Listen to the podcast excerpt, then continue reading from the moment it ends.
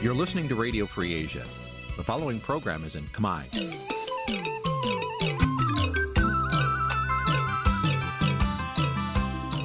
នេះជាកម្មវិធីផ្សាយ Vuthu Azizi Serai នេះជាកម្មវិធីផ្សាយរបស់ Vuthu Azizi Serai ជាភាសាខ្មែរ Vuthu Azizi Serai សូមស្វាគមន៍លោកអ្នកនាងទាំងអស់ពីរដ្ឋធានី Washington នៃសហរដ្ឋអាមេរិក។បាទពីរដ្ឋធានីវ៉ាស៊ីនតោនខ្ញុំបាទសេកបណ្ឌិតសូមជម្រាបសួរអស់លោកនាងកញ្ញាទាំងអស់ជាទីមេត្រីបាទយើងខ្ញុំសូមជូនកម្មវិធីផ្សាយសម្រាប់រាត្រីថ្ងៃអង្គារ6កើតខែមករាឆ្នាំខាលចត្វាស័កពុទ្ធសករាជ2566ត្រូវនៅថ្ងៃទី29ខែវិច្ឆិកាគ្រិស្តសករាជ2022 បាទជាដំបូងនេះសូមអញ្ជើញអស់លោកនាងស្ដាប់ព័ត៌មានប្រចាំថ្ងៃដែលមានមេត្តាដូចតទៅ thank you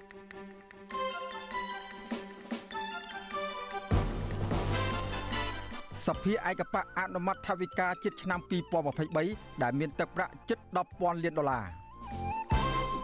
សកម្មជនប្រៃឈើថាគម្របប្រៃឈើនៅក្នុងដែនអភិរក្សបន្តបាត់បង់ដោយសារអំពើពុករលួយ អង្គការសិទ្ធិមនុស្សជំរុញឲ្យរដ្ឋាភិបាលចាត់វិធានការជាក់លាក់បន្ថែមទៀតដើម្បីធានាលុបបំបាត់ការរើសអើងនិងអំពើហិង្សាលើស្ត្រី។បាទនៅក្នុងនេតិវេទិកាអ្នកស្ដាប់វិទ្យុអសីសេរីសម្រាប់រាត្រីនេះយើងនឹងជជែកអំពីថាតើហេតុអ្វីបានជាព្រៃឈើនៅក្នុងតំបន់ព្រៃអភិរក្សបន្តបាត់បង់ឥតឈប់ឈររួមនឹងព័ត៌មានសំខាន់សំខាន់មួយចំនួនទៀតបាទជាបន្តទៅទៀតនេះខ្ញុំបាទសេកបណ្ឌិតសូមជូនព័ត៌មានពិស្ដា បាទលោកនាងកញ្ញាជាទីមេត្រី អង្គការសិទ្ធិមនុស្សជំរុញឲ្យរដ្ឋាភិបាលចាត់វិធានការជាក់លាក់បន្ថែមទៀតនៅក្នុងការអនុវត្តតាមអនុសាសន៍នៃយន្តការ UPR របស់អង្គការសហប្រជាជាតិឲ្យបានពេញលេញដើម្បីធានាលុបបំបាត់ការរើសអើងនិងអំពើហិង្សាលើស្ត្រីនិងក្មេងស្រីបាទមជ្ឈមណ្ឌលសិទ្ធិមនុស្សកម្ពុជាបញ្ជាក់នៅក្នុងកម្រងព័ត៌មានខ្លីចេញផ្សាយសម្រាប់ ខែវិច្ឆិកានេះថារដ្ឋាភិបាលបានសម្រេចទទួលយកអនុសាសន៍យ៉ាងហោចណាស់15ចំណុចតាក់ទងនឹងបញ្ហារបស់ស្ត្រី ដែលមាននៅក្នុងអនុសាសន៍យន្តការ UPR របស់អង្គការសហប្រជាជាតិមកអនុវត្តចាប់តាំងពីឆ្នាំ2019មកបាទ UPR ជាយន្តការអង្គការសហប្រជាជាតិដែលបង្កើតឡើងនៅក្នុងគោលបំណងត្រួតពិនិត្យការអនុវត្តសិទ្ធិរបស់រដ្ឋាភិបាល និងសមាជិកទាំងអស់ បាទកម្ពុជាសម្រាប់ទទួលយកអនុសាសន៍សរុបចំនួន173មកអនុវត្តដែលគិតមកទួលនៅពេលនេះចូលដល់ជុំទី3ហើយនៃការព្រមព្រៀងរបស់រដ្ឋាភិបាលកម្ពុជា បាទនៅក្នុងរយៈពេលជិត5ជិត4ឆ្នាំមកនេះអង្គការសិទ្ធិមនុស្សមួយនេះរកឃើញថារដ្ឋាភិបាល និងស្ថាប័នពាក់ព័ន្ធបានអនុវត្តតាមអនុសាសន៍នេះបានតិចតួចនៅឡើយ។ បាទនៅក្នុងនោះរួមមានការដាក់ចេញនៅផែនការសកម្មភាពជាតិស្ដីពីការទប់ស្កាត់អំពើហិង្សាលើស្ត្រីសម្រាប់រយៈពេល5ឆ្នាំអនុម័តផែនការយុទ្ធសាស្ត្រនារីរតនៈទី5និងការចុះអនុសារណៈរវាងក្រមប្រឹក្សាជាតិនិងគណៈមេធាវីដើម្បីធានាពង្រីកការផ្តល់សេវាផ្នែកច្បាប់ទៅដល់ស្ត្រីជាដើមបាទទោះយ៉ាងណា នៅមានចំណុចជាច្រើនទៀត ដែលមិនទាន់អាចអនុវត្តបាននៅក្នុងនោះរួមមានការបញ្ឈប់ផ្នត់កំណត់រើសអើងលើស្ត្រី និងក្មេងស្រីពុំមានច្បាប់ចែងច្បាស់លាស់ពីទិន្នន័យពីនិយមន័យនិងការហាមប្រាមការរើសអើងការខ្វះក្របខ័ណ្ឌផ្នែកច្បាប់ការពារស្ត្រី និងអំពើហិង្សាគ្រប់ទម្រង់ខ្វះគោលនយោបាយផ្ដល់ជំនួយផ្លូវច្បាប់ ឲ្យបានទូលំទូលាយខ្វះធនធានហិរញ្ញវត្ថុនិងបច្ចេកទេសសម្រាប់ផែនការសកម្មភាពតាក់ទងនឹងស្ត្រីទាំងថ្នាក់ជាតិនិងថ្នាក់មូលដ្ឋាន បន្តវប្បធម៌បន្ទោសជនរងគ្រោះវិសមាមាត្រចំនួនស្ត្រីនៅក្នុងទូរទីធ្វើសេចក្តីសម្រេចចិត្តអាញាធរនៅតែរើសអើងប្រើអំពើហិង្សាលើស្ត្រី និងនៅពេលស្ត្រីអនុវត្តសិទ្ធិមូលដ្ឋានដូចជាការតវ៉ាផ្សេងផ្សេងរបស់ស្ត្រី ខ្វះការយកចិត្តទុកដាក់ដល់ក្រមស្ត្រីតាមសហគមន៍ជាពិសេស ជនស្ត្រីជនជាតិដើមស្ត្រីរកស៊ីផ្លូវភេទនិងស្ត្រីបដូរភេទជាដើមបាទករណីនេះមជ្ឈមណ្ឌលសិទ្ធិមនុស្សកម្ពុជាបញ្ជាក់ថារដ្ឋាភិបាលចាំបាច់ត្រូវចាត់វិធានការជាក់លាក់នៅក្នុងការអនុវត្តអនុសាសន៍ឲ្យបានពេញលេញនិងធានាលុបបំបាត់ការរើសអើងនិងអំពើហិង្សាលើស្ត្រីនិងក្មេងស្រីព្រមទាំងសម្រេចឲ្យបានសមភាព gender នៅកម្ពុជា បាទការលើកឡើងរបស់មជ្ឈមណ្ឌលសិទ្ធិមនុស្សកម្ពុជានេះស្របពេលដែលក្រុមអង្គការសង្គមស៊ីវិលនាំគ្នាធ្វើយុទ្ធនាការរយៈពេល16ថ្ងៃដើម្បីលុបបំបាត់អំពើហិង្សាលើស្ត្រី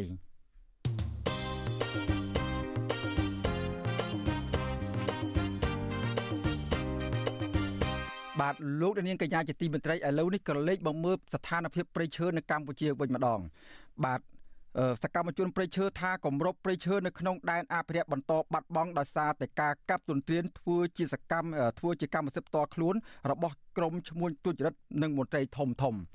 បាទមន្ត្រីអង្គការសង្គមស៊ីវិលយល់ថាដើម្បីរក្សាគម្របព្រៃឈើឲ្យបានគង់វង្សលុះត្រាតែរដ្ឋាភិបាលលុបបំបាត់អំពើពុករលួយជាប្រព័ន្ធហើយត្រូវរឹបអូសដីពីអ្នកកាប់ទន្ទ្រានបទល្មើសព្រៃឈើ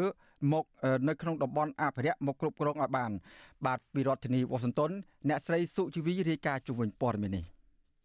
បាទទោះបីជាគម្របព្រៃឈើនៅក្នុងដែនអភិរក្សស្ទើរទូទាំងប្រទេសកំពុងបាត់បង់ដោយសារការកាប់ទន្ទ្រានយកធ្វើកម្មសិទ្ធិផ្ទាល់ខ្លួននិងលក់ឲ្យឈ្មួញ ឬមន្ត្រីរដ្ឋាភិបាលធំធំក៏ដោយក៏រដ្ឋាភិបាលមិនមានយន្តការបន្ទាន់ណាមួយដើម្បីទប់ស្កាត់ការបាត់បង់គម្របព្រៃទាំងនោះឡើយប្រជាសហគមន៍ការពារព្រៃឡង់ខេត្តកំពង់ធំលោកហ៊ឿនសុភីប្រាប់វិទ្យុអាស៊ីសេរីថាក្រៅពីបាត់ល្មើសព្រៃឈើនៅក្នុងដែនជំរងសត្វព្រៃព្រៃឡង់នៅតែបន្តកើតមានក្នុងទ្រង់ទ្រាយធំហើយគម្របព្រៃឡង់ក៏បានបាត់បង់អស់រាប់រយហិកតានៅក្នុងឆ្នាំ2022នេះជាពិសេសនៅក្នុងតំបន់ភ្នំជីខេត្តកំពង់ធំ លោកថាការបាត់បង់គម្របព្រៃឈើនេះគឺដោយសារតែមានការទន្ទ្រានដីព្រៃយកធ្វើជាកម្មសិទ្ធិផ្ទាល់ខ្លួននិងមានក្រុមហ៊ុនចិនកាប់ឆ្ការព្រៃដើម្បីទាញយករ៉ែមាសលោកហ៊ឿនសុភីបយល់ថាកត្តាដែលធ្វើឲ្យក្រុមអាជ្ញាធរតាមគោលដៅមិនចាត់វិធានការផ្លូវច្បាប់ទៅលើក្រុមទុច្ចរិតដែលកាន់កាប់ដីព្រៃនៅក្នុងដែនជម្រកសត្វព្រៃទាំងនេះគឺបណ្ដាលមកពីពួកគេសហការគ្នាប្រព្រឹត្តអំពើពុករលួយជាមួយគ្នានេះលោកហ៊ឿនសុភីប สนំពរដល់រដ្ឋាភិបាលឲ្យដកហូតដីព្រៃដែលបានកាប់ទន្ទ្រានទាំងនោះយកមកអភិរក្សដើម្បីបង្កើតគម្របព្រៃឈើឡើងវិញរដ្ឋាភិ បាលដូចជាមិនទាន់មានចំណាត់ការពុកទៅលើការចាត់វិធានការទៅលើអ្នកកັບប្របាញ់ព្រៃឈើយើងឃើញតែធ្វើកិច្ចសន្យាយើងឃើញតែជួបគាត់ពីនៃអន្តរការទៅគឺវាធ្វើឲ្យបាត់បង់ធំមែនទែនហើយមួយទៀតយើងកំពុងមានការព្រួយបារម្ភខ្លាំងគឺតកតងនឹងការប្រើប្រាស់អាវុធកែច្នៃបទល្មើសទាំងអស់ដូចជាពួកអ្នករោគសត្វព្រៃពួកអ្នកកាប់ចង្ការពួកអ្នកអាជឿនោះគាត់ប្រើប្រាស់ច្រើនមែនទែន របាយការណ៍អង្កេតលើកទី2របស់ក្រុមអ្នកស្រាវជ្រាវនៃសាកលវិទ្យាល័យ Copenhagen នៃប្រទេសដាណឺម៉ាកចេញផ្សាយកាលពីពេលថ្មីៗនេះបង្ហាញថាកម្ពុជាបានបាត់បង់គម្របព្រៃឈើជាង140,000ហិកតាកាលពីឆ្នាំមុនក្នុងនោះការបាត់បង់គម្របព្រៃឈើនៅក្នុងដែនជម្រកសត្វព្រៃព្រៃឡង់បានកើនឡើង22%ព្រៃព្រះរកាកើនឡើង43%និងដែនជម្រកសត្វព្រៃសង់រុក្ខវ័នចំនួន47% វិទ្យុអាស៊ីសេរីមិនទាន់អាចតាក់ទងแนะនាំពាក្យក្រសួងបរិស្ថានលោកនេតភក្ត្រាដើម្បីសូមការអធិប្បាយជុំវិញបញ្ហានេះបានទេនៅថ្ងៃទី29ខែវិច្ឆិកាដោយទូរស័ព្ទហៅចូលតែពុំមានអ្នកទទួលកាលពីខែកញ្ញាកន្លងទៅអង្គការគំនិតផ្ដួចផ្ដើមសកលប្រឆាំងនឹងក្រតកម្មឆ្លងដែនក៏ធ្លាប់បានចេញរបាយការណ៍ជាលទ្ធផលស្រាវជ្រាវអំពីមេធៀងអំពើខុសច្បាប់នៃរចនាសម្ព័ន្ធកັບឈើខុសច្បាប់នៅកម្ពុជាដែររបាយការណ៍នោះបង្ហាញថាប្រព័ន្ធការពារគ្នាទៅវិញទៅមក ដែលបង្កើតឡើងដោយគ្រួសាររបស់លោកយមត្រីហ៊ុនសែនជាមួយក្រុមអុកញ៉ានិងកងកម្លាំងប្រដាប់អាវុធគឺជាកត្តាចម្បងធ្វើឲ្យមានវិនាសកម្មប្រៃឈើនៅកម្ពុជានៅតែបន្តកើតមានឆ្លើយតបនឹងការលើកឡើងនេះអ្នកនាំពាក្យគណៈបកកណ្ដាលអំណាចលោកសុកអេសានទទួលស្គាល់ថាគម្របប្រៃឈើនៅកម្ពុជាពិតជាមានការបាត់បង់ប៉ុន្តែស្ថិតនៅក្នុងចំនួនតិចតួចប៉ុណ្ណោះដោយសារតែការបាត់បង់គម្របប្រៃឈើទាំងនោះគឺជំនួសមកវិញដោយដំណាំកៅស៊ូដំណាំម្រេចនិងដំណាំឈើហូបផ្លែផ្សេងផ្សេង ដែលបានផ្ដល់ចំណូលដល់ជាតិលោកសុកអេសានបន្ថែមថាការលើកឡើងពីការបាត់បង់គម្របព្រៃឈើ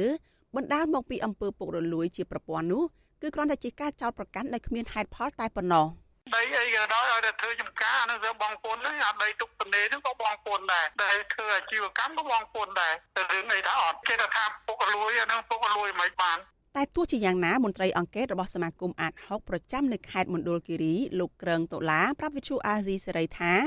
គម្របព្រៃឈើនៅក្នុងខេត្តមណ្ឌលគិរីបានបាត់បង់យ៉ាងឆាប់រហ័សដោយសារមានក្រុមអង្គញានិងក្រុមឈ្មួញទិញលក់ដីបានឈូសឆាយដីព្រៃដើម្បីលក់យ៉ាងអនាធិបតេយ្យលោកថាគម្របព្រៃឈើដែលបានបាត់បង់យ៉ាងឆាប់រហ័សនៅក្នុងរយៈពេលប្រមាណឆ្នាំចុងក្រោយនេះរួមមានដែនជំរកសត្វព្រៃភ្នំព្រេចដែនជំរកសត្វព្រៃភ្នំណាំលានិងដែនជំរកសត្វព្រៃស្រែពកដោយឡែកគម្របព្រៃឈើនៅដែនជំរកសត្វព្រៃកៅសីមាមិនសូវមានការបាត់បង់នោះទេ ដោយសារតែមានវត្តមានអង្គការសមាគមអភិរក្សសត្វព្រៃហៅកាត់ថា WCS នៅការពារលោកក្រឹងតូឡាបន្ថែមថាមូលហេតុសំខាន់ដែលបណ្ដាលឲ្យគម្របព្រៃឈើបាត់បង់យ៉ាងឆាប់រហ័សដូចនេះគឺបណ្ដាលមកពីអំពើពុករលួយជាប្រព័ន្ធចាប់តាំងពីថ្នាក់លើដល់ថ្នាក់ក្រោមបើសិនជារដ្ឋបាលគាត់មានឆន្ទៈគាត់មានគំនិតចង់ការពារធនធានធម្មជាតិហ្នឹងខ្ញុំគាត់ថាស្រួល គាត់គាត់ទៅមើលតនន័យនៅក្នុងតាមខំសង្កាត់ក៏ដូចជាក្រុងឬមួយថាខេត្តហ្នឹងគាត់ឃើញតនន័យថាពីណាថាដីធំជាងគេគាត់មានសប្តាហ៍ហូតទី1ទី2គាត់វះកាត់មានថាជនណាដែលលោភលន់គឺបកកទ្រព្យសម្បត្តិរបស់គាត់ហ្នឹងដាក់ពន្ធនាគារដកទូនាទីនឹងឋានៈរបស់គាត់មានតែគាត់រៀងបើមានប្រាហ៊ានតែរាល់ថ្ងៃយើងឃើញថារដ្ឋបាលគាត់មិនមានចន្ទៈគាត់មិនមានគំនិតជាលក្ខមួយដើម្បីឲ្យការពារធនធានធម្មជាតិនឹងទេបាទគាត់បានតែនិយាយទេ បើទោះបីជាមានរបាយការណ៍ពីអង្គការអន្តរជាតិជាច្រើនបង្ហាញថាអំពើពុករលួយជាប្រព័ន្ធគឺជាហេតុផលធ្វើឲ្យមានបទល្មើសព្រៃឈើក្តីប៉ុន្តែរដ្ឋាភិបាលតែងតែច្រានចោលលទ្ធផលរបាយការណ៍ទាំងនោះដោយឡែកលោកហ៊ុនសែនធ្លាប់ថ្លែងជាសាធារណៈថាអង្គការអន្តរជាតិទាំងនោះធ្វើរបាយការណ៍បន្លំបំភ្លៃមានចេតនាបំផ្លាញកិត្តិយសគ្រួសាររបស់លោកជាដើមទោះជាបែបនេះក្តីលោកហ៊ុនសែនក៏ធ្លាប់បានបដិញ្ញាចិត្តថាបើលោកការពារព្រៃឈើនៅកម្ពុជាមិនបានទេលោកនឹងកាត់កចោល ប៉ុន្តែមកដល់ពេលនេះបទល្មើសព្រៃឈើនៅតែបន្តកើតមានដដែល នាងខ្ញុំសុជីវីវិទ្យុអាស៊ីសេរីពីរដ្ឋធានី Washington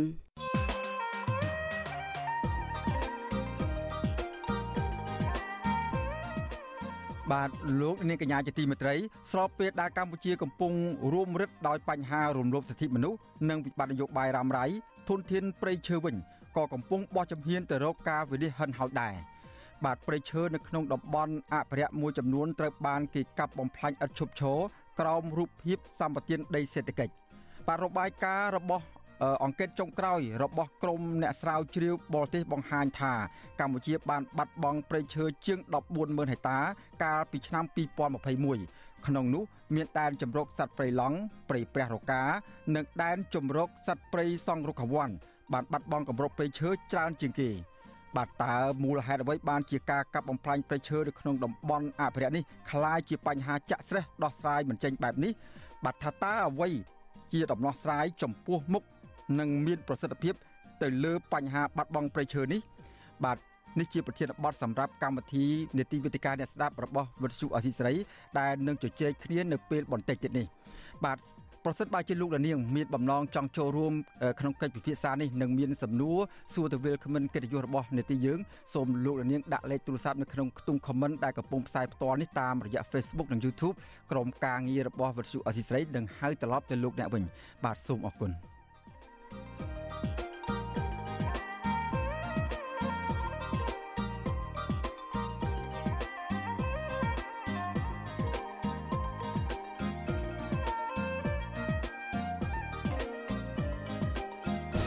បាទលោកនាងកញ្ញាជាទីមេត្រី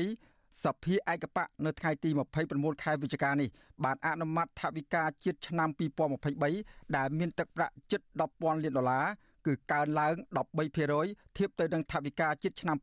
2022ដែលមានទឹកប្រាក់ជាង8000លានដុល្លារ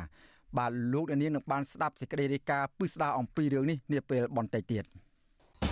អាស៊ីសេរី បាទលោកនាងកញ្ញាជាទីមេត្រីឥឡូវនេះពាក់ព័ន្ធនឹងបញ្ហារបស់កសិករដែលកំពុងតែជួបវិបត្តិបញ្ហាលក់ស្រូវមិនបានថ្លៃលើវិញបាទប្រជាកសិករនៅខេត្តបន្ទាយមានជ័យនិងខេត្តបាត់ដំបង បង្ខំចិត្តលក់ស្រូវឲ្យឈ្មួញនៅក្នុងតម្លៃទាបដើម្បីយកប្រាក់សងបំណុលធនាគារនិងថ្លៃជីកសិកម្មបាទពួកគាត់ខកចិត្តនឹងក្រសួងកសិកម្មដែលគ្មានឆន្ទៈពិតប្រាកដដោះស្រាយបញ្ហាតម្លៃស្រូវចុះថោកជូនដល់ប្រជាកសិករដោយ ដោយគ្រាន់តែចេញសេចក្តីប្រកាសប៉ុន្តែគ្មានការតាមដាននិងអនុវត្តឲ្យមានប្រសិទ្ធភាពបាទអ្នកជំនាញកសិកម្មស្នើសុំឲ្យអាជ្ញាធរតាមមូលដ្ឋានពង្រឹងការអនុវត្តតាមសេចក្តីប្រកាសរបស់ក្រសួងកសិកម្មនិងជំរុញឲ្យកសិករនាំគ្នាចងក្រងជាសហគមន៍បាទពីរដ្ឋធានីវ៉ាស៊ីនតោនលោកជាតិចំណានរាយការណ៍ជុំវិញព័ត៌មាននេះប្រជាកសិករនៅខេត្តបន្ទាយមានជ័យនៅខេត្តបាត់ដំបងអះអាងថាឈ្មួញនៅតែទិញស្រូវពួកគាត់ក្នុងតម្លៃថោកជាងការប្រកាសរបស់ក្រសួងកសិកម្មដែលធ្វើឲ្យពួកគាត់គ្មានជំរើស ក្រៅតែពីការបង្ខំចិត្តលក់ស្រូវក្នុងតម្លៃថោកប្រជាកសិករនៅក្នុងស្រុកប្រណិតព្រះខេត្តបន្ទាយមានជ័យលោករស់សឿនប្រាប់វិសុអេស៊ីស្រីនៅថ្ងៃទី29ខែវិច្ឆិកាថាឈ្មោះបានទិញស្រូវប្រភេទផ្ការំដួលនៅផ្កាមលីរបស់លោកក្នុងតម្លៃត្រឹមតែ750រៀលប៉ុណ្ណោះក្នុង1គីឡូក្រាមលោកថាតម្លៃនេះគឺទាបជាងការកំណត់របស់ក្រសួងកសិកម្មដល់ទៅជាង300រៀលនិងធ្វើឲ្យកសិករខាត់បងគ្រប់គ្រប់គ្នាទោះជាយ៉ាងណាលោកបន្តថាលោកនិងប្រជាពលរដ្ឋផ្សេងទៀត ត្រូវតែបង្ខំចិត្តលក់ស្រូវក្នុងតម្លៃទាបនេះដើម្បីបានប្រាក់ការខ្លះសម្រាប់សងបំណុលធនាគារនិងថ្លៃជីកសិកម្មលោកយល់ថាក្រសួងកសិកម្មគ្មានសមត្ថភាពនិងឆន្ទៈពិតប្រាកដដើម្បីដោះស្រាយបញ្ហាជូនពលរដ្ឋនោះទេដែលមិនខុសពីរដ្ឋមន្ត្រីក្រសួងកសិកម្មមុនមុននោះឡើយ ជាបរិវត្តនៅកន្លែងតោបកខ្វេតោបពទាវអីហ្នឹងគាត់ថាស្រូវមិនថោកទេតែដល់ពេលចេញពីរោងម៉ាស៊ីនទៅវិញបានថ្លៃគាត់ថាស្រូវតាមស្រែវាថោកជាបរិវត្តដឹងដែរជាបរិវត្តថាដាក់អាដកអាធាងកសកម្មចាស់ទៅទៅចូលកសកម្មថ្មីមកកាន់ទៅលើសដើមក្រសួងកសិកម្មបានកំណត់តម្លៃក្នុងការប្រមូលទិញស្រូវក្នុងតម្លៃ1040រៀលក្នុង1គីឡូក្រាមសម្រាប់អង្គផ្ការរំដួលជាមួយគ្នានេះក្រសួងសេដ្ឋកិច្ចនិងហិរញ្ញវត្ថុ ក៏បានប្រកាសផ្តល់ថវិកាជិត100លានដុល្លារទៅលើមូលនិធិទិញស្រូវពីប្រជាកសិករដែរតែទោះជាយ៉ាងណាក្តីប្រជាកសិករមើលឃើញថារដ្ឋាភិបាលនិងក្រសួងពាក់ព័ន្ធគ្មានផែនការច្បាស់លាស់បណ្ដោយឲ្យមានអំពើពុករលួយនិងគ្មានការតាមដានការងាររបស់រដ្ឋបាលថ្នាក់ក្រោមឡើយហើយប្រជាកសិករនៅតែរងទុក្ខបើទោះបីជារដ្ឋបញ្ចេញថវិកាដោះស្រាយរាប់រយលានដុល្លារទៀតក៏ដោយប៉ុន្តែការប្រកាសនឹងការបញ្ចេញសាច់ប្រាក់ទាំងនេះហាក់ធ្វើឡើងគ្រាន់តែការអនុវត្តឲ្យល្អមើលតែប៉ុណ្ណោះត្បិតគ្មានការតាមដាន និងយកចិត្តទុកដាក់ឲ្យម៉ត់ចត់ទៅលើការអនុវត្តរបស់មន្ត្រីថ្នាក់មូលដ្ឋានជាពិសេសឈ្មោះដែលឆ្លៀតឱកាសនោះឡើយប្រជាពលរដ្ឋដែលដឹងដែរថាឈ្មោះដែលដើរទិញស្រូវទម្លាក់ថ្លៃហាងឆេងនោះគឺជាបពពួកសាច់ញាតិរបស់មន្ត្រីធំធំនិងអ្នកមានអំណាចមួយចំនួនទៀតពលរដ្ឋថាពួកគេទាំងនោះប្រើមនុស្សនឹងឡានធំធំរាប់សិបគ្រឿងដើរទិញស្រូវពីកសិករក្នុងតម្លៃទាបនិងលក់ឲ្យរោងចក្រក្នុងតម្លៃថ្លៃក្រៅពីនោះមានមួយចំនួនទៀតទិញស្រូវស្តុកទុកដើម្បីនាំចេញទៅក្រៅប្រទេសឬបញ្ចេញលក់នៅពេលខ្សត់ស្រូវជុំវិញរឿងនេះ វិសុវអសិសរីមិនអាចតាក់ទងแนะនាំពាក្យក្រសួងកសិកម្មកញ្ញាអមរចនាដើម្បីសុំការអធិប្បាយជំវិញបញ្ហានេះបានទេនៅថ្ងៃទី29ខែវិច្ឆិកាជុំវិញរឿងនេះអ្នកជំនាញកសិកម្មលោកនីណាក់មើលឃើញថាក្នុងអំឡុងពេលច្រូតកាត់នៅឆ្នាំនេះគឺមានឈ្មោះដើរទិញទម្លាក់តម្លៃស្រូវបំពេញទៅលើការប្រកាសរបស់ក្រសួងពិតប្រាកដមែនលោកជំរុញឲ្យអាជ្ញាធរមូលដ្ឋាននិងតំណាងរាស្ត្របកកាន់អំណាចនៅតាមបណ្ដាខេត្តទាំងនោះរួមគ្នាដោះស្រាយបញ្ហាឲ្យប្រជាកសិករ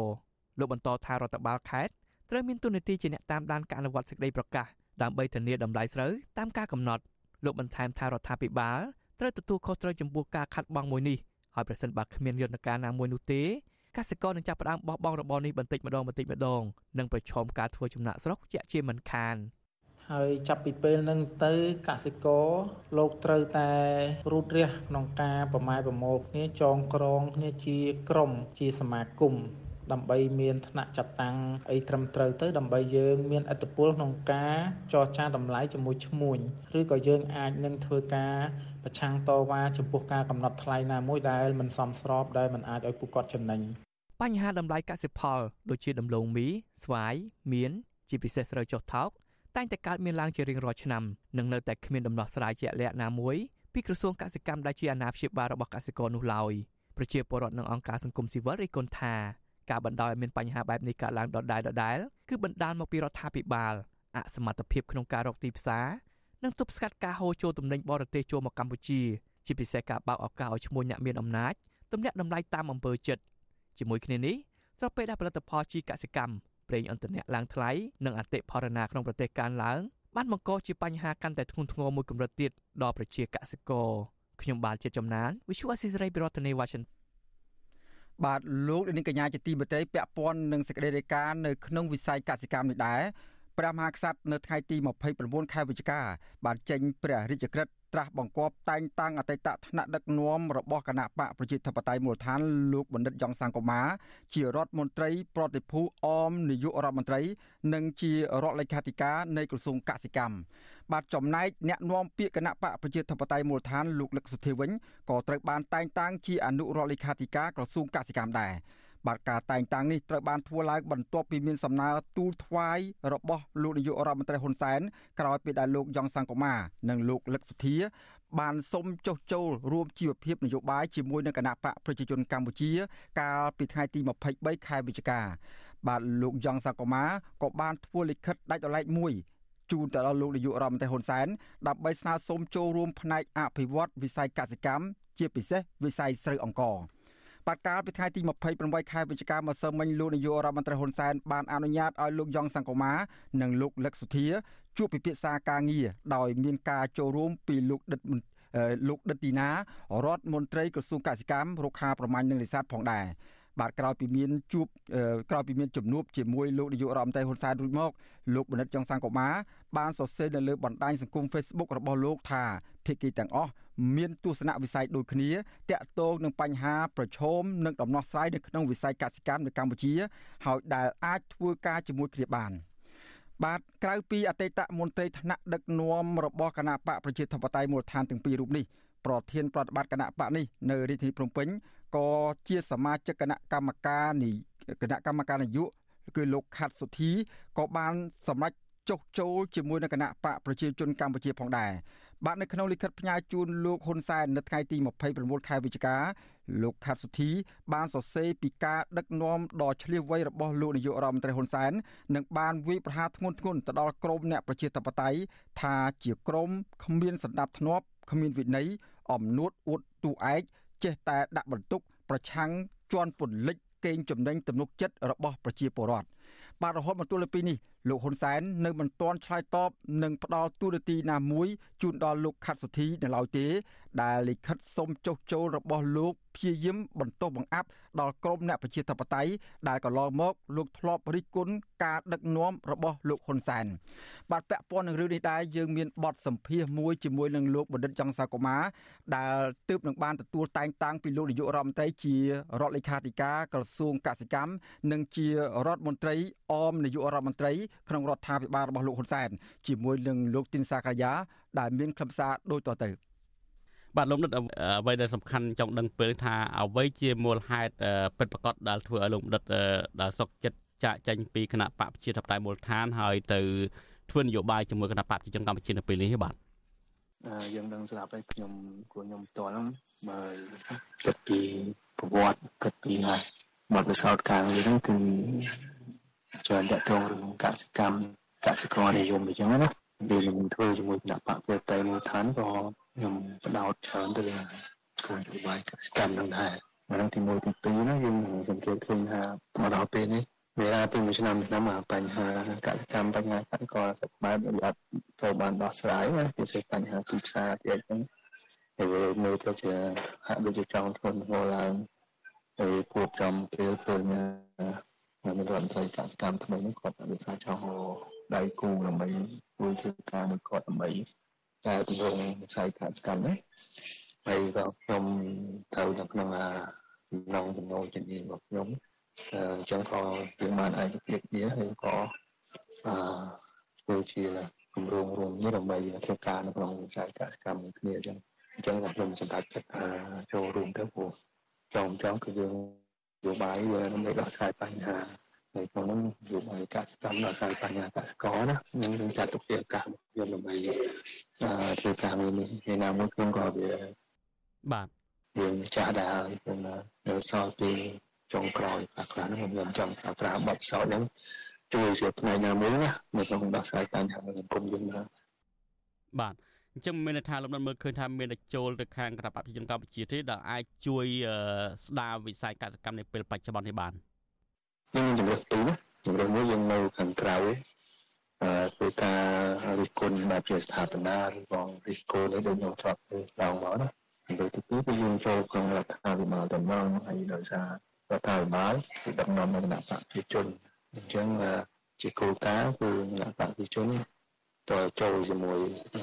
គណៈបកនឹងបានជាយើងទទួលដៃនយោបាយអញ្ចឹងណាដើម្បីធ្វើការនឹងចំពោះខ្ញុំវាអឺមិនជាអីព្រោះអ្វីដែលខ្ញុំគិតគឺបញ្ហាកសិករបញ្ហាកសិកម្មកម្មយើងវាធំជាងបញ្ហាបាក់ខ្ញុំសុខចិត្តចូលរួមជាមួយគណៈបព្វជិជនហើយតំណងក៏ខ្ញុំបានការធានាពីសម្ដេចនាយករដ្ឋមន្ត្រីហ្នឹងទៅលើសិទ្ធិអំណាចទៅលើ កតភាពក្នុងការបំពេញកតបកិច្ចការងារផងដែរ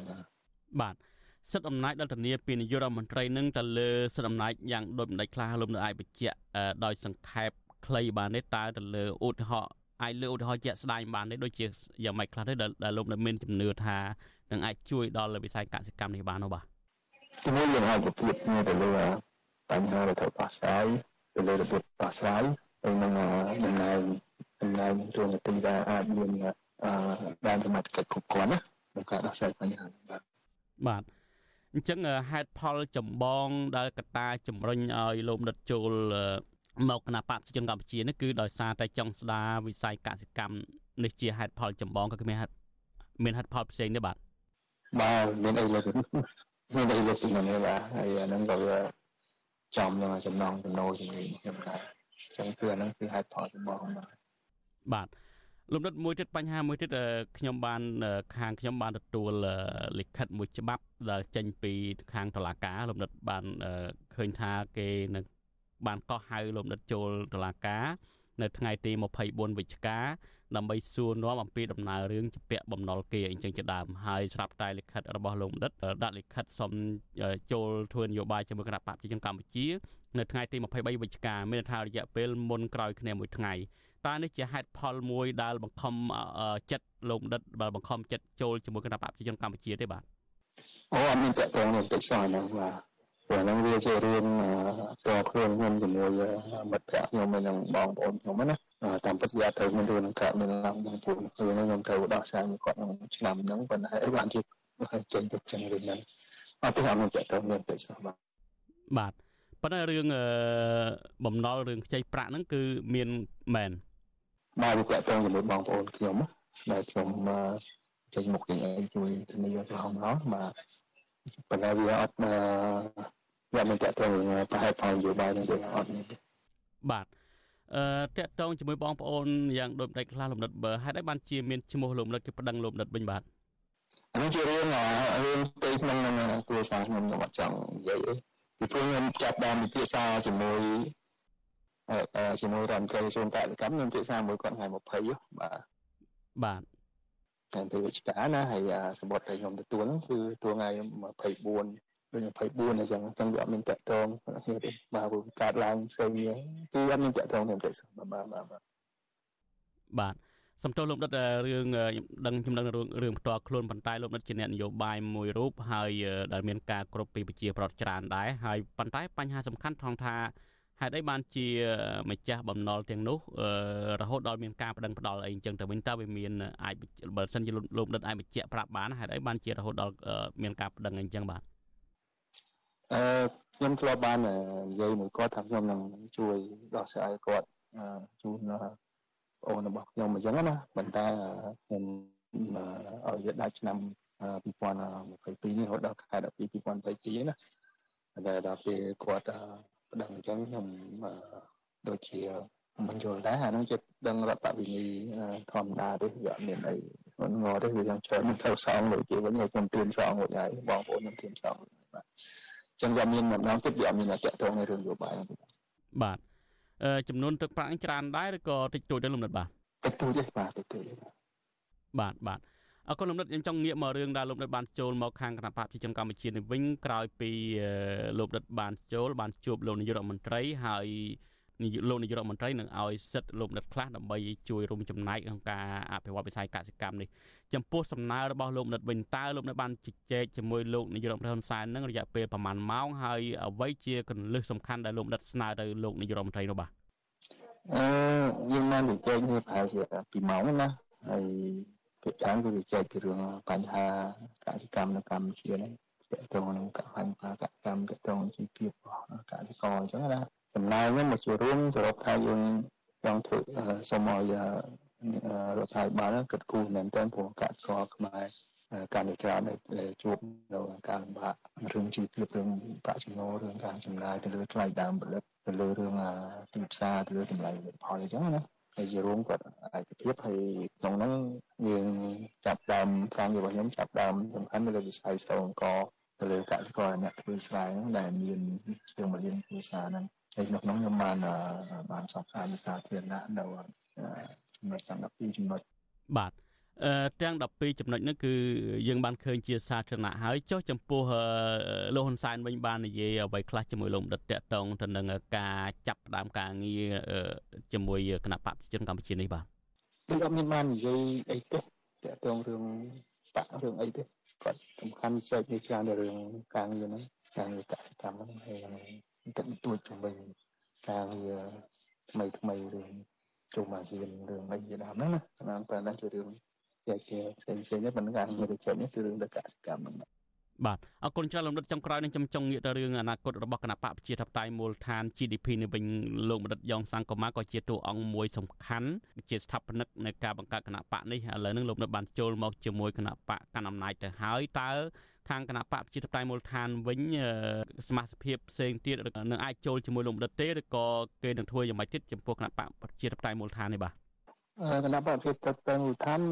នៅតែដំណើរការទៅមុខលោកយើងរយៈជាប្រធានគណៈបកលោករដ្ឋសាមនេះគាត់នៅដាក់ចិត្តដាក់កាយពោះក្នុងការទៅមុខណាហើយការចាក់ចេញរបស់ខ្ញុំក៏មានការជជែកពីផ្ទៃក្នុងយើងក៏ឯកភាពឆ្លោះឆ្លងនេះចាត់ទុកថានឹងជាបេសកកម្មមួយសម្រាប់វិស័យកសិកម្មមួយយើងគិតធំជាងបាក់ណាហើយក៏អាចជាមានចឹងបាទហើយអ្នកដែលមក ចូលរួមមួយខ្ញុំគឺមានលោកលក្ខសធាមួយដែលជាគាត់ជាជំនួយការខ្ញុំដែរណាខ្ញុំក៏គាត់មកជាមួយខ្ញុំដែរហើយគាត់ជាអ្នកដែលមានបទពិសោធន៍ច្រើនក្នុងការកសិកម្មដែរបានគាត់ចូលរួមមួយខ្ញុំដែរបាទអរគុណច្រើនលោកនាយកសង្គមាបាទអរគុណច្រើនបាទបាទអរគុណបាទលោកនាងកញ្ញាទើបបានស្ដាប់បទសម្ភាសរបស់លោកទីនសាការីយ៉ាជាមួយលោកបណ្ឌិតយ៉ងសង្គមាដែលទើបនឹងទទួលបានមុខតំណែងក្តៅក្តៅជា រដ្ឋលេខាធិការក្រសួងកសិកម្មនិងជារដ្ឋមន្ត្រីអមនាយករដ្ឋមន្ត្រី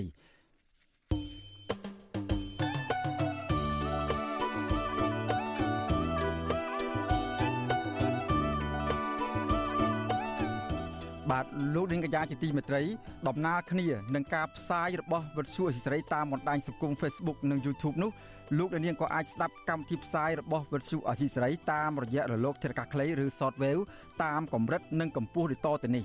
បាទពេលព្រឹកចាប់ពីម៉ោង5កន្លះដល់ម៉ោង6កន្លះតាមរយៈរលកធាតុអាកាសខ្លី9390 kHz ស្មើនឹងកម្ពស់ 32m និង11850 kHz ស្មើនឹងកម្ពស់ 25m បាទនៅពេលយប់ចាប់ពីម៉ោង7កន្លះដល់ម៉ោង8កន្លះតាមរយៈរលកធាតុអាកាសខ្លី9390 kHz ស្មើនឹងកម្ពស់ 32m 15155 kHz ស្មើនឹងកម្ពស់ 20m និង11885 kHz ស្មើនឹងកម្ពស់ 20m បាទសូមអរគុណបាទលោកនាងកញ្ញាជាទីមេត្រី សភាឯកបៈនៅថ្ងៃទី29ខែវិច្ឆិកានេះបានអនុម័តថវិកាជាតិឆ្នាំ2023ដែលមានទឹកប្រាក់ជិត10លានដុល្លារគឺកើនឡើង13%ធៀបទៅនឹងថវិកាជាតិឆ្នាំ2022ដែលមានទឹកប្រាក់ជាង8000លានដុល្លារបាទលោកទីនសាការីយ៉ារាយការណ៍ជុំវិញព័ត៌មាននេះលោកជាមយៀបបានដឹកនាំសម័យប្រជុំសភាលើកទី8នៃនីតិកាលទី6នៃសភាឯកបៈនិងសមាជិកសភាចំនួន98រូប ដោយសពមួយដងដែលរដ្ឋសភាបានយល់ព្រមអនុម័តសេចក្តីព្រាងច្បាប់តាមសំណើរបស់រដ្ឋាភិបាលដោយគ្មានការកែប្រែអ្វីនោះឡើយសភាឯកបៈបានអនុម័តសេចក្តីព្រាងច្បាប់ស្តីពីហិរញ្ញវត្ថុសម្រាប់ការគ្រប់គ្រងឆ្នាំ2023ដោយសម្លេងទាំងមូលគឺ99សម្លេងសេចក្តីព្រាងច្បាប់នេះមានចំនួន3ចម្ពោះនិង22មាត្រាថាវិការជាតិឆ្នាំ2023មានទឹកប្រាក់ចំនួនជិត10,000លានដុល្លារគឺកើនឡើងចំនួន13% ធៀបទៅនឹងថវិកាជាតិឆ្នាំ2022ដែលមានទឹកប្រាក់ជាង8000លានដុល្លាររដ្ឋមន្ត្រីក្រសួងសេដ្ឋកិច្ចនិងហិរញ្ញវត្ថុលោកអូនពាន់មនីរតថ្លែងនៅក្នុងសភាថាថវិកានេះគឺដើម្បីរៀបចំការបោះឆ្នោតឆ្នាំ2023និងការប្រកួតកីឡា SEA Games ដែលកម្ពុជាធ្វើជាម្ចាស់ផ្ទះលោកបន្តថាកម្ពុជារំពឹងថានឹងមានកំណើនសេដ្ឋកិច្ចចំនួន6.6% ធៀបនឹងឆ្នាំ2022កំណើនសេដ្ឋកិច្ចមាន5.4%កម្ពុជាគ្រោងនឹងខ្ចីបំណុលបរទេសប្រមាណជាង2000លានដុល្លារបន្ថែមពីម្ចាស់ជំនួយសម្រាប់បង្ក្រប់ថវិកាជាតិជិត10,000លានដុល្លារនេះពាក់ព័ន្ធនឹងច្បាប់ថវិកាជាតិនេះដែរអ្នកជំនាញផ្នែកវិទ្យាសាស្ត្រនយោបាយនិងកិច្ចការអន្តរជាតិលោកអែមសវណ្ណរា លើកឡើងថាលោកចង់ឃើញរដ្ឋាភិបាលចាយលុយជាតិប្រកបដោយតម្លាភាព ការងារជាតិមានសកម្មភាពកើនឡើងបានយើងបង្កើនការចំណាយក៏ប៉ុន្តែខ្ញុំបារម្ភរឿងគេហៅថាការចាយវាយដោយដំណាភាពបើយើងចាយវាយដោយដំណាភាពប្រជាប្រដ្ឋទូទៅដូចជាមិនយល់ទាស់ឬក៏ទូមនោះនឹកទៅនឹងការចំណាយបរដ្ឋាភិបាលទេឲ្យតែយើងចាយត្រឹមត្រូវព្រោះនេះជាកម្លាំងញើសឈាមមកបរដ្ឋណាបាទប្រហាក់ប្រហែលគ្នាដែរទីប្រឹក្សាសមាគមគ្រូបង្រៀនកម្ពុជាអាយក្រិចនិងជាប្រធានសហភាពសហជីពកម្ពុជាលោករងឈុន ស្នើដល់រដ្ឋសភាគួរតែបង្ហាញសេចក្តីព្រាងច្បាប់នេះឲ្យសាធារណជនបានដឹងឲ្យបានទូលំទូលាយមុននឹងសភាអនុម័តលោករងឈុនក៏សម្គាល់ថាបំណុលជាតិតែងតែកើនឡើងជារៀងរាល់ឆ្នាំហើយម្ចាស់បំណុលធំជាងគេរបស់កម្ពុជាគឺប្រទេសកុម្មុយនីសចិនលោកបញ្ជាក់ថាទោះជាបំណុលចិនស្រួលខ្ចីប៉ុន្តែលោកព្រួយបារម្ភថាបញ្ហាបំណុលនេះនឹងអាចធ្វើឲ្យកម្ពុជានិងបរតខ្មែរចំនួនក្រោយចម្ពាក់បំណុលចិនគ្រប់ចំនួន ហើយបើបំណុលចិនខ្លាចជាបំណុលវ៉ាន់កនឹងអាចធ្វើឲ្យកម្ពុជាជួបហានិភ័យខ្ពស់យើងឃើញហើយគំរូប្រទេសនៅក្នុងតំបន់នឹងដែលមានកម្ចីចិនវ៉ាន់ករកអវ័យសងគេពំបាននឹងមានកាត់យកកំពង់ផែកាត់យកអីជាហោហាយអញ្ចឹងអញ្ចឹងយើងមានការព្រួយបារម្ភបើយើងនៅតែចិញ្ចឹម ចិត្តខ្ចីគេរហូតតែមិនខិតខំប្រឹងកសាងនៅថាកំណើនសេដ្ឋកិច្ចរបស់ខ្លួនឯងតើតើនឹងការលើកឡើងនេះអគ្គលេខាធិការនឹងជាអ្នកនាំពាក្យរដ្ឋសភាលោកលេងបេញឡុងលើកឡើងថាមូលហេតុដែលរដ្ឋសភាមិនទាន់បានបង្ហាញសេចក្តីព្រាងច្បាប់ទាំងនេះឲ្យទូលំទូលាយពីព្រោះទាំងរដ្ឋសភានិងរដ្ឋាភិបាលជាប់រវល់នឹងកិច្ចប្រជុំអន្តរជាតិធំធំដែលកម្ពុជាធ្វើជាម្ចាស់ផ្ទះនៃកិច្ចប្រជុំទាំងនោះលោកអះអាងថាចំពោះការចាយវាយលុយជាតិ រដ្ឋាភិបាលនឹងបញ្យលមករដ្ឋសភា នៅចុងឆ្នាំពលគឺនៅក្រៅពីរដ្ឋាភិបាលប្រើប្រាស់ថវិកានោះរួចរាល់ខ្ញុំទីនសាការីយ៉ាអស៊ីសេរីប្រធានីវ៉ាស៊ីនតោនបាទលោកនាងកញ្ញាជាទីមេត្រីលោកនាងកំពុងតាមដានស្ដាប់ការផ្សាយរបស់វិទ្យុអសីស្រីពីរដ្ឋធានីវ៉ាស៊ីនតោនសហរដ្ឋអាមេរិកបាទជាបន្តទៅទៀតនេះគឺជានេតិវិទ្យាអ្នកស្ដាប់របស់វិទ្យុអសីស្រីដែលនឹងជជែកគ្នាថាតើហេតុអ្វីបានជាការកាប់បំផ្លាញព្រៃឈើនៅក្នុងតំបន់ព្រៃអភិរក្ស នេះคล้ายជាជាបញ្ហាចាក់ស្រេះដោះស្រាយមិនចេញហើយថាតើអ្វីជាដំណោះស្រាយចំពោះមុខនិងមានប្រសិទ្ធភាពលើបញ្ហាបាត់បង់ព្រៃឈើនេះបាទនេតិវិទ្យាអ្នកស្ដាប់របស់វិទ្យុអសីស្រីសម្រាប់ប្រទេសនេះគឺសម្របសម្រួលដល់លោកយ៉ងច័ន្ទរា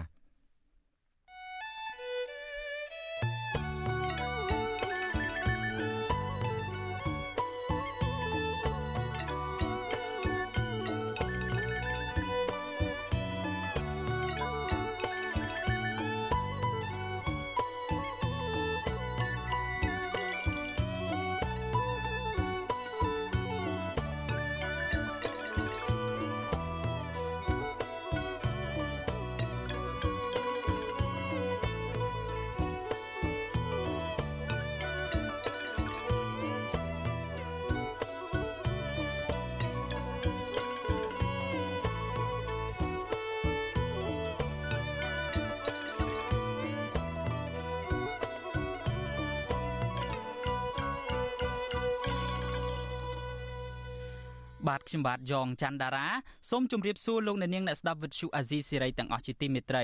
បាទដោយដែលលោកសេចបណ្ឌិតបានជម្រាបជូនលោកអ្នកនាងអំបញ្ញមិញនេះហើយកម្មវិធីជាបន្តទៅទៀតនេះគឺជានីតិវិទ្យាអ្នកស្ដាប់វិទ្យុអាស៊ីសេរី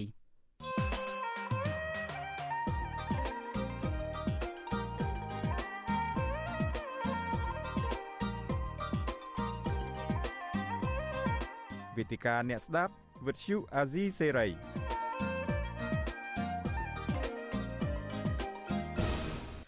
ខ្ញុំបាទយ៉ងច័ន្ទដារាសូមជម្រាបសួរលោកអ្នកនាងកញ្ញាអ្នកស្ដាប់វិទ្យុអាស៊ីសេរីជាថ្មីម្ដងទៀតបាទកម្មវិធីវេទិកាអ្នកស្ដាប់វិទ្យុអាស៊ីសេរីយើងនៅរាត្រីនេះយើងនឹងជជែកតាក់ទងទៅនឹងបញ្ហាព្រៃឈើដោយចោទជាសំណួរថាតើហេតុអ្វីបានជាព្រៃឈើនៅក្នុងតំបន់អភិរក្សនៅតែត្រូវបានគេកាប់បំផ្លាញឥតឈប់ឈរជាបន្តបន្ទាប់បែបនេះបាទយើងមានវាគ្មិនកិត្តិយសចំនួន2រូបដែលអញ្ជើញចូលរួមជាមួយយើងនៅពេលនេះគឺទី1មានលោកហេងកំហុងដែលជាប្រធានផ្នែកកម្មវិធីស្រាវជ្រាវនិងតស៊ូមតិនៃសមាគមបណ្ដាញយុវជនកម្ពុជាហៅកាត់ថា CYN ហើយយើងក៏មានសកម្មជនព្រៃឈើដ៏សកម្មមួយរូបទៀតដែរគឺលោកហេងស្រស់អញ្ជើញចូលរួមជាមួយយើងតាមប្រព័ន្ធទូរស័ព្ទបាទខ្ញុំបាទសូមជម្រាបសួរវាគ្មិនទាំងពីរបាទបាទសូមជម្រាបសួរបាទបាទបាទសូមជម្រាបសួរបាទបាទ បាទអរគុណវាគ្មិនទាំងពីរដែលបានចំណាយពេលវេលានៅក្នុងរាត្រីនេះដើម្បីចូលរួមជាមួយយើងហើយលោកហេងកំហុងចូលរួមជាមួយយើងតាមរយៈប្រព័ន្ធវីដេអូ Skype ហើយលោកហេងស្រស់លោកចូលរួមជាមួយយើងតាមប្រព័ន្ធខ្សែទូរស័ព្ទ បាទលោកអ្នកនាងជាទីមេត្រីដោយដែលលោកអ្នកនាងបានជ្រាបស្រាប់ហើយថាបញ្ហានៅកម្ពុជាយើងសពថ្ងៃនេះគឺមានរឿងច្រើនមែនទែនដែលយើងត្រូវយកមកជជែកយកមកពិភាក្សាហើយការវិវត្តចុងក្រោយនេះលោកអ្នកនាងជ្រាបស្រាប់ហើយថាមានការសុំចូលរួមជីវភាពនយោបាយពីសំណាក់លោកយ៉ងសង្គមាទៅក្នុងគណៈបកប្រជាជនកម្ពុជាមានការរឹបអូសជាបដោះអាសន្ននៅទ្រព្យសម្បត្តិពីកន្លែងរបស់លោកសុនឆៃនៅខេត្តសៀមរាបនិងរាជធានីភ្នំពេញដំណើរការក្តីក្តាំលោកកឹមសុខានេះក៏នឹងចាប់ផ្ដើមនៅខែធ្នូបន្តទៅទៀតដែរហើយវិវត្តទៅមុខទៀតនឹងគឺមានរឿងក្តីក្តាមច្រើនទៀតណាស់ដែលយើងនឹងជជែកហើយក៏ប៉ុន្តែព្រឹត្តិការណ៍ទាំងអស់នេះបន្តឥតស្រាកស្រាននៅភ្នំពេញយើងងាកទៅតំបន់ទីប្រជុំជនឬមួយក៏ នៅតាមខេត្តឯនោះវិញគឺថាបញ្ហាដែលចោតជាសំខាន់ជាងគេគឺបញ្ហាព្រៃឈើហើយយើងសូមលើកយកនៅបញ្ហានេះដើម្បីយកមកជជែកពិភាក្សាឲ្យបានស៊ីជម្រៅបន្ថែមអំពីបញ្ហាព្រៃឈើនេះពីព្រោះតែបញ្ហាសំខាន់សំខាន់កំពុងតែកើតមានរីឯព្រៃឈើនឹងក៏បន្តនឹងបាត់បង់ដែរបាទបាទមុននឹងជជែកអំពីបញ្ហាស៊ីជម្រៅខ្ញុំបាទសូមជូនសាវតារឿងមួយចំនួនដើម្បីឲ្យលោកអ្នកនាងបានជ្រាបអំពីបញ្ហាព្រៃឈើនៅកម្ពុជាយើងនាពេលបច្ចុប្បន្ននេះ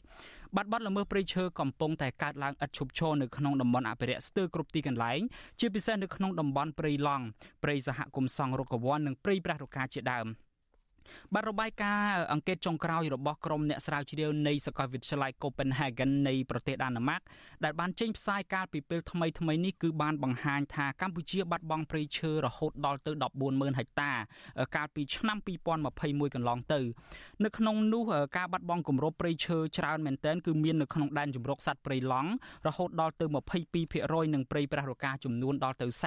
43%បាត់បណ្ដាញសហគមន៍ព្រៃឈើសកម្មជនបរិស្ថាននិងអង្គការសង្គមស៊ីវិលសុទ្ធតែបានអំពាវនាវនិងស្នើយ៉ាងទទូចដល់រដ្ឋាភិបាលឲ្យចាត់វិធានការឲ្យមានប្រសិទ្ធភាពដើម្បីដោះស្រាយបញ្ហាបាត់បង់ព្រៃឈើទាំងនេះក៏ប៉ុន្តែបញ្ហានេះនៅមិនទាន់អាចដោះស្រាយបាននៅឡើយទេហើយយើងមានសកម្មជនព្រៃឈើ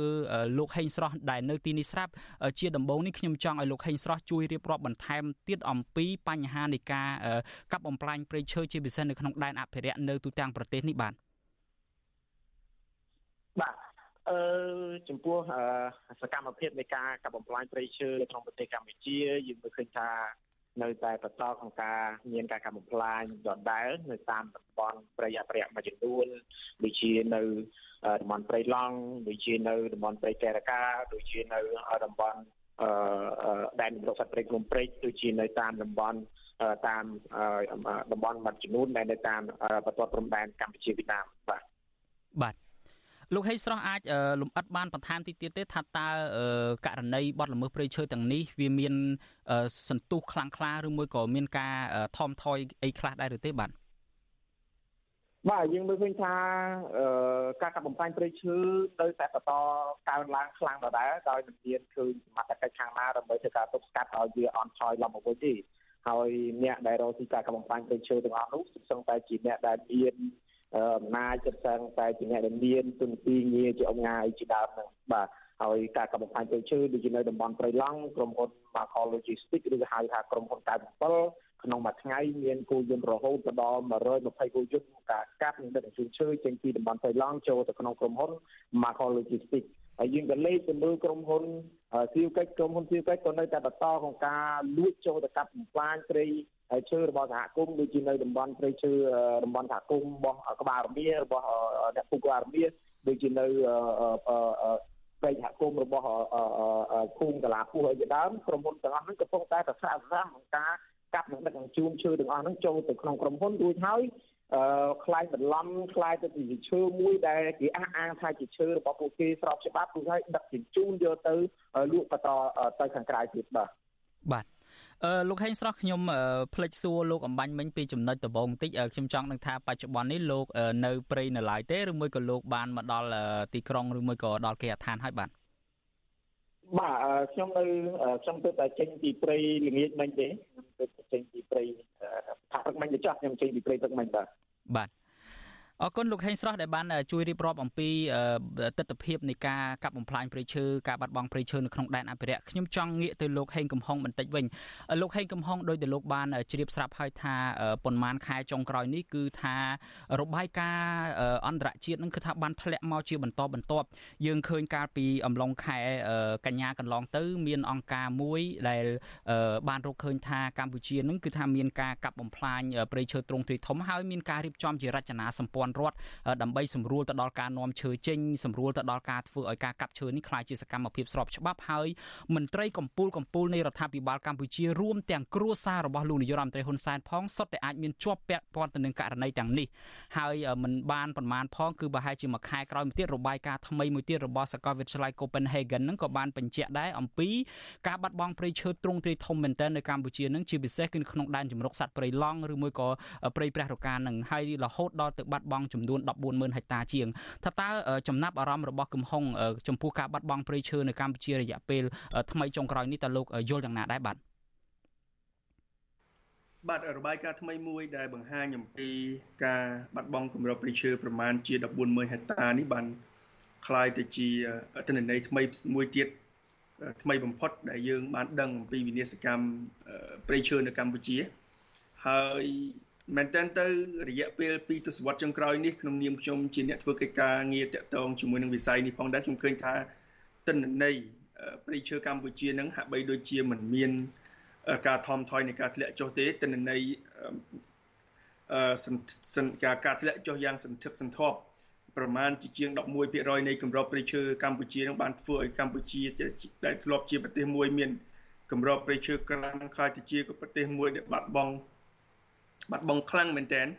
ជាពិសេសគឺតេតិនជាមួយនឹងការបាត់បង់គម្របព្រៃឈើការចូលទៅបំផ្លិចបំផ្លាញឬក៏ការចូលទៅដកហូតឈើប្រណិតនិងឈើកម្រដោយខុសច្បាប់នៅក្នុងដែនជំរកសត្វព្រៃឬក៏តំបន់ការពាររបស់ប្រទេសកម្ពុជាហើយជាពិសេសទៀតសោតនឹងអ្វីដែលយើងបានចាប់អារម្មណ៍ជាងគេគឺតកតងជាមួយនឹងដីសម្បត្តិសេដ្ឋកិច្ចដីសម្បត្តិសេដ្ឋកិច្ចនេះមិនត្រឹមតែបានរួមចំណែកក្នុងការ ធ្លាក់ចុះនៃកម្របព្រៃឈើនៅកម្ពុជាចន្លោះពីឆ្នាំ2008ដល់ឆ្នាំ2015ទេហើយមកដល់បច្ចុប្បន្ននេះក្រុមហ៊ុនដីសម្បត្តិសេដ្ឋកិច្ចមួយចំនួននឹងត្រូវបានមានការសង្ស័យហើយរបាយការណ៍នេះក៏បានចង្អុលបង្ហាញថាថាថាក្រុមហ៊ុនដីសម្បត្តិសេដ្ឋកិច្ចដែលអះអាងថាខ្លួនជាជាធ្វើសកម្មភាពកសិកម្មឬក៏កសិឧស្សាហកម្មហ្នឹងឬក៏ដំណាំកសិឧស្សាហកម្មហ្នឹងបន្តែផ្ទុយទៅវិញបានពាក់ព័ន្ធដោយផ្ទាល់ឬក៏ប្រយោលណាមួយជាមួយនឹង ក្រុមអ្នកបំផ្លិចបំផ្លាញឈើនៅក្នុងតំបន់ការពារធម្មជាតិឬក៏តំបន់ព្រៃការពារនៅក្នុងប្រទេសកម្ពុជានេះយើងមិនទាន់គិតអំពីការចូលទៅកាន់កាប់ដោយខុសច្បាប់របស់ប្រជាពលរដ្ឋដោយសារតែការភាពធ្វេសប្រហែសឬក៏ការបដែតបដោយពីសំណាក់មន្ត្រីមូលដ្ឋាននៅនឹងកន្លែងទេទាំងអស់នេះហើយដោយសារតែយើងមើលឃើញអំពីប្រសិទ្ធភាពតិចតួចនៃការទប់ស្កាត់បទល្មើសជាពិសេសគឺការបំផ្លិចបំផ្លាញគម្របព្រៃឈើនេះហើយបានជាយើង ក្រមសកម្មជនឬក៏ក្រុមអង្គការសង្គមស៊ីវិលដែលធ្វើការក្នុងវិស័យប្រហាក់ប្រហែលយើងបានធ្វើសកម្មភាពយុទ្ធនាការច្រើនមែនទែនដើម្បីជំរុញឲ្យមានការយកចិត្តទុកដាក់បន្ថែមទៀតពីសំណាក់អាជ្ញាធរមូលដ្ឋាននិងអាជ្ញាធរថ្នាក់ជាតិពាក់ព័ន្ធដើម្បីបញ្ឈប់ឬក៏ពង្រឹងយន្តការដែលមានស្រាប់កុំឲ្យមានការបំផ្លិចបំផ្លាញព្រៃឈើនៅកម្ពុជាហើយខ្ញុំមែនតើយើងដាក់ ក្នុងនាមយើងជាអ្នកធ្វើការក្នុងវិស័យនេះយើងឃើញថាមានអាជ្ញាធរពីរក្រសួងដែលជាអ្នកពាក់ព័ន្ធដោយ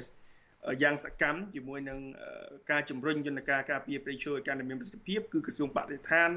ហើយក្រសួងកសិកម្មរុក្ខាប្រមាញ់និងនេសាទដែលជាក្រសួងមួយ មានសមត្ថកិច្ចដូចក្រសួងបរិស្ថានដែរហើយអ្វីដែលយើងចង់ឲ្យឃើញក្រសួងទាំងពីរហ្នឹងគាត់ធ្វើកិច្ចការហ្នឹងគឺកុំប្រចាំគ្នា ហើយត្រូវតែអនុវត្តកិច្ចការដែនសមត្ថកិច្ចនៃច្បាប់ឲ្យកាន់តែល្អប្រសើរជាពិសេស មិនត្រឹមតែចូលទៅទប់ស្កាត់ទេគឺត្រូវតែកំណត់ថាមន្ត្រីរបស់ខ្លួនដែលមានពាក់ព័ន្ធជាមួយនឹងសកម្មភាពបំផ្លិចបំផ្លាញឬក៏ធ្វេសប្រហែសនៅក្នុងការបំពេញមុខងារសាធារណៈត្រូវតែមានការទទួលខុសត្រូវដោយខានពុំបាន មានតែការយកចិត្តទុកដាក់ឬក៏ការអនុវត្តគោលការណ៍ឬក៏ការអនុវត្តច្បាប់ដោយតឹងរឹងជាទីបំផុតទេដែលអាចការពារទុនធានធម្មជាតិកម្ពុជាបានឲ្យមាននិរន្តរភាពជាពិសេសព្រៃឈើនេះពីព្រោះនេះជា រឿងមិនមែនរឿងចាស់ទេគឺជារឿងយូរណាស់មកហើយដែលយើង សង្គមស៊ីវិលយើងហៅថាជាបញ្ហារ៉ាំរ៉ៃទៀតបាទបាទ អរគុណលោកហេងកំហុងខ្ញុំបានដឹងថាលោកហេងកំហុងកាលពីម្សិលមិញនេះរួមជាមួយនឹងអង្គការសង្គមស៊ីវិលមួយចំនួននឹងក៏បានចេញនៅលិខិតចំហមួយជូនចំពោះក្រសួងកសិកម្មជាពិសេសគឺរដ្ឋមន្ត្រីថ្មីលោកដិតទីណានឹងដើម្បីសុំឲ្យមានការពិនិត្យឡើងវិញទៅលើការផ្ដាល់ដីសម្បត្តិសេដ្ឋកិច្ចនឹងដែលវាបកកជាមហន្តរាយវិនិស្សកម្មសម្រាប់ប្រៃឈើកម្ពុជា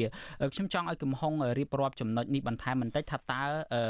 ខ្លឹមសារនៃលិខិតចំហនេះបានទៅដល់ដៃក្រសួងកសិកម្មហើយឬនៅហើយថាតើអាចនឹងមានការឆ្លើយតបយ៉ាងម៉េចដែរហើយអ្វីដែលជាបញ្ហាចម្បងដែលយើងមើលឃើញហើយទាមទារឲ្យមានការអន្តរាគមន៍ជាក់លាក់ពីក្រសួងកសិកម្មនោះបាទបាទនៅក្នុងលិខិតចំហដែលចេញដែលរួមគ្នាដោយអង្គការសង្គមស៊ីវិលចំនួន24ស្ថាប័នយើងបានចេញលិខិតចំហមួយទៅកាន់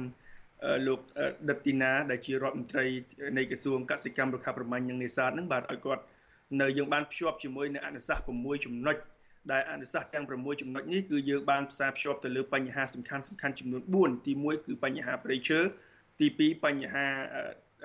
ជលផលបណ្ដៃយើងផ្ដោតសំខាន់ទៅលើ ការទន្ទ្រានព្រៃលិចទឹកទី3យើងផ្ដោតទៅលើ សកម្មភាពប្រមាញ់ដោយខុសច្បាប់នឹងការជួញដូរសត្វសត្វព្រៃហើយនឹងទី4គឺយើងផ្ដោតទៅលើបញ្ហាដី សម្បត្តិសេដ្ឋកិច្ចនេះឯងបាទ ហើយអ្វីដែលយើងបានសង្កត់ធ្ងន់មែនទែនក៏យើងភ្ជាប់ជាមួយនឹងអនុសាសន៍ខ្លះយើងបានភ្ជាប់ជាមួយនឹងការជំរុញឲ្យមានការស៊ើបអង្កេតករណីនាំឈើចេញហើយយើងដឹងហើយថាកន្លងមក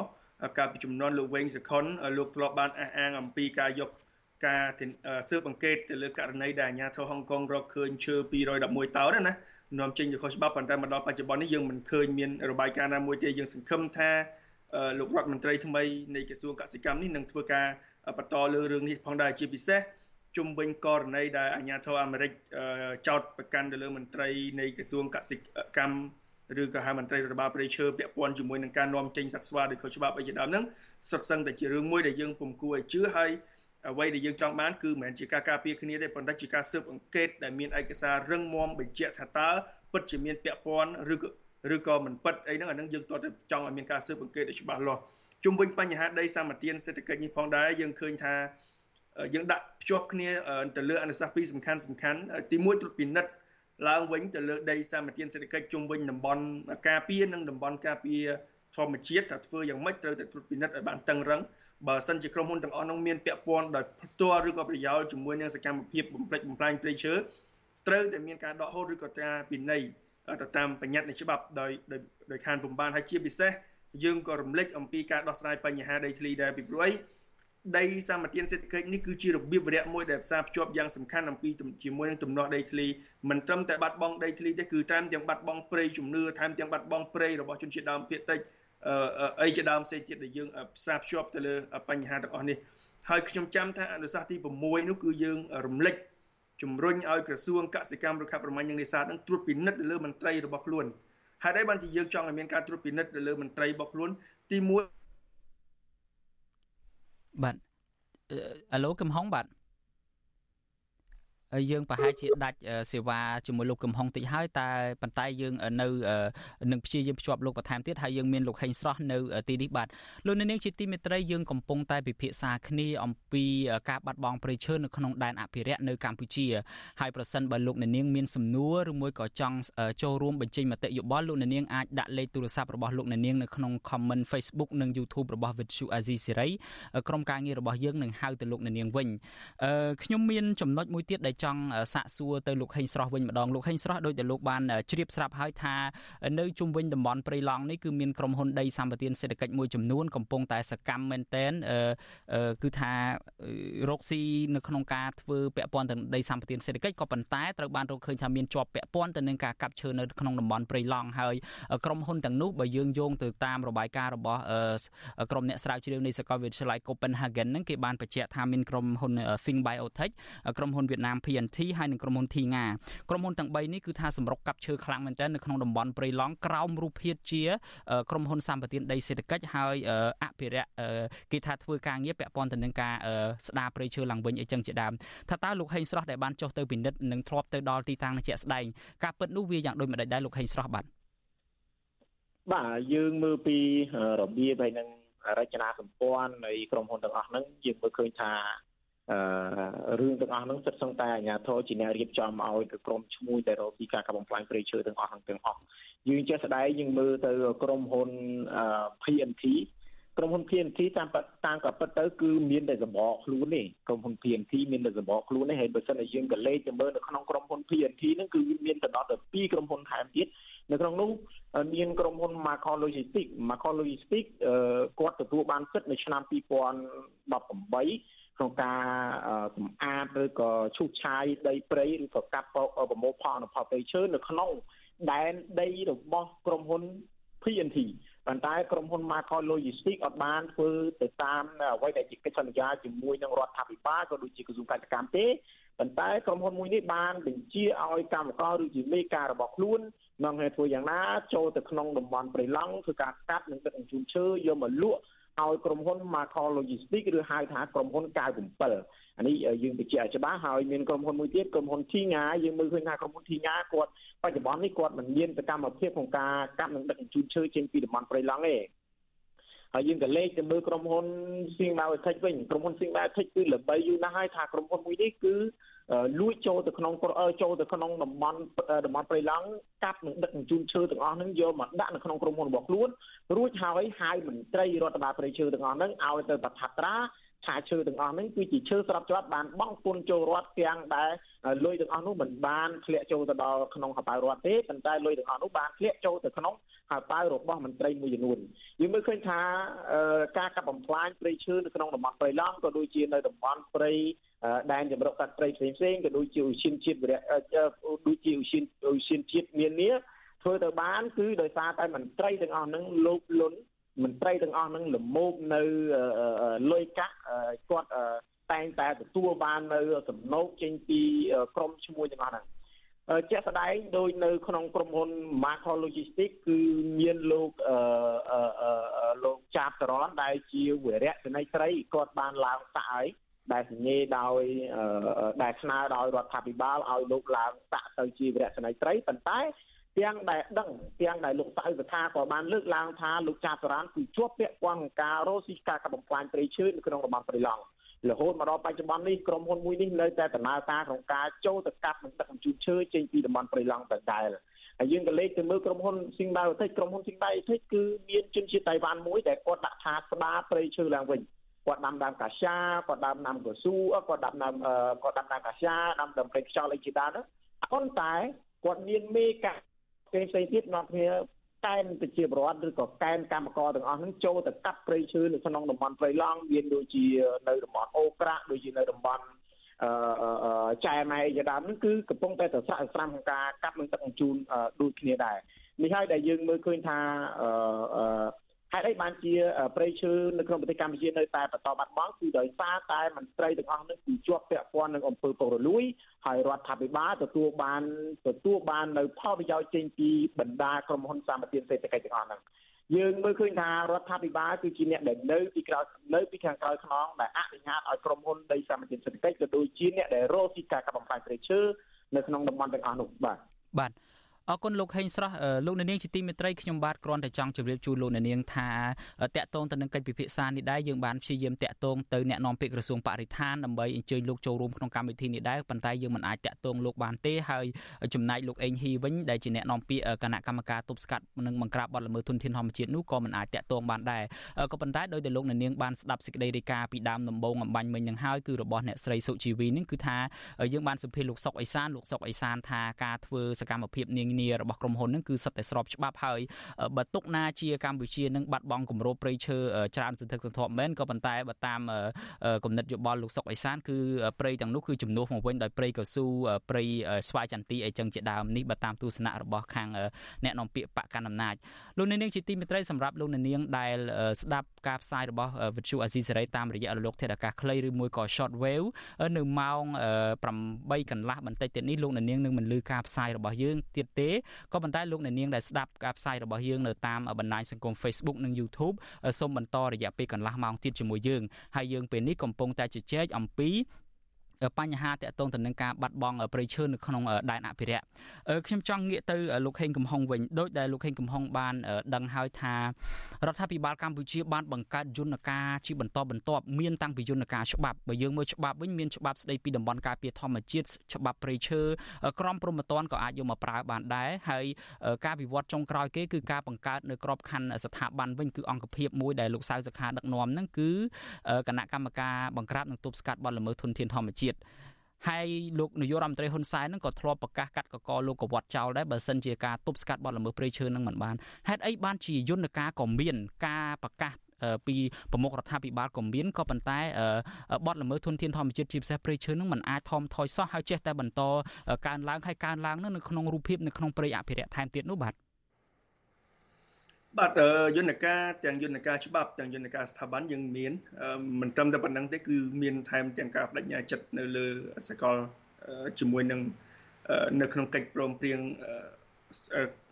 បំរែបំរួលអាកាសធាតុរបស់អង្គការសហជីវជាតិទៀតផងដែលជាការបដិញ្ញាចិត្តបរដ្ឋាភិបាលប៉ុន្តែផ្ទុយទៅវិញយើងទៅកលេចទៅមើលអំពីការអនុវត្តជាក់ស្ដែង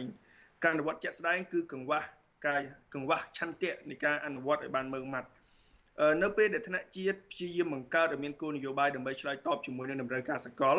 ប៉ុន្តែផ្ទុយទៅវិញអត់យកចិត្តទុកដាក់នៅក្នុងការទប់ ឬក៏ជំរុញឲ្យមន្ត្រីនៅថ្នាក់ក្រោមជាតិនឹងអនុវត្តបានល្អប្រសើរវាធ្វើឲ្យយន្តការនៃការអនុវត្តនឹងអត់សូវដំណើរការបានល្អទេអឺហេតុអីបានត្រូវសួរទៅវិញថាហេតុអីបានជាឧស្សាហរៈដែលធ្លាប់ស្បត់ថាมันมันมันហូបសាច់សត្វព្រៃមិនដែលផ្ទុយទៅវិញពួកគេនៅតែហូបសាច់សត្វព្រៃហេតុអីបានជាក្រុមឧស្សាហរៈ ជាអ្នកដែលនៅច្រកចិញ្ចូលនៃតំបន់ការពារធម្ម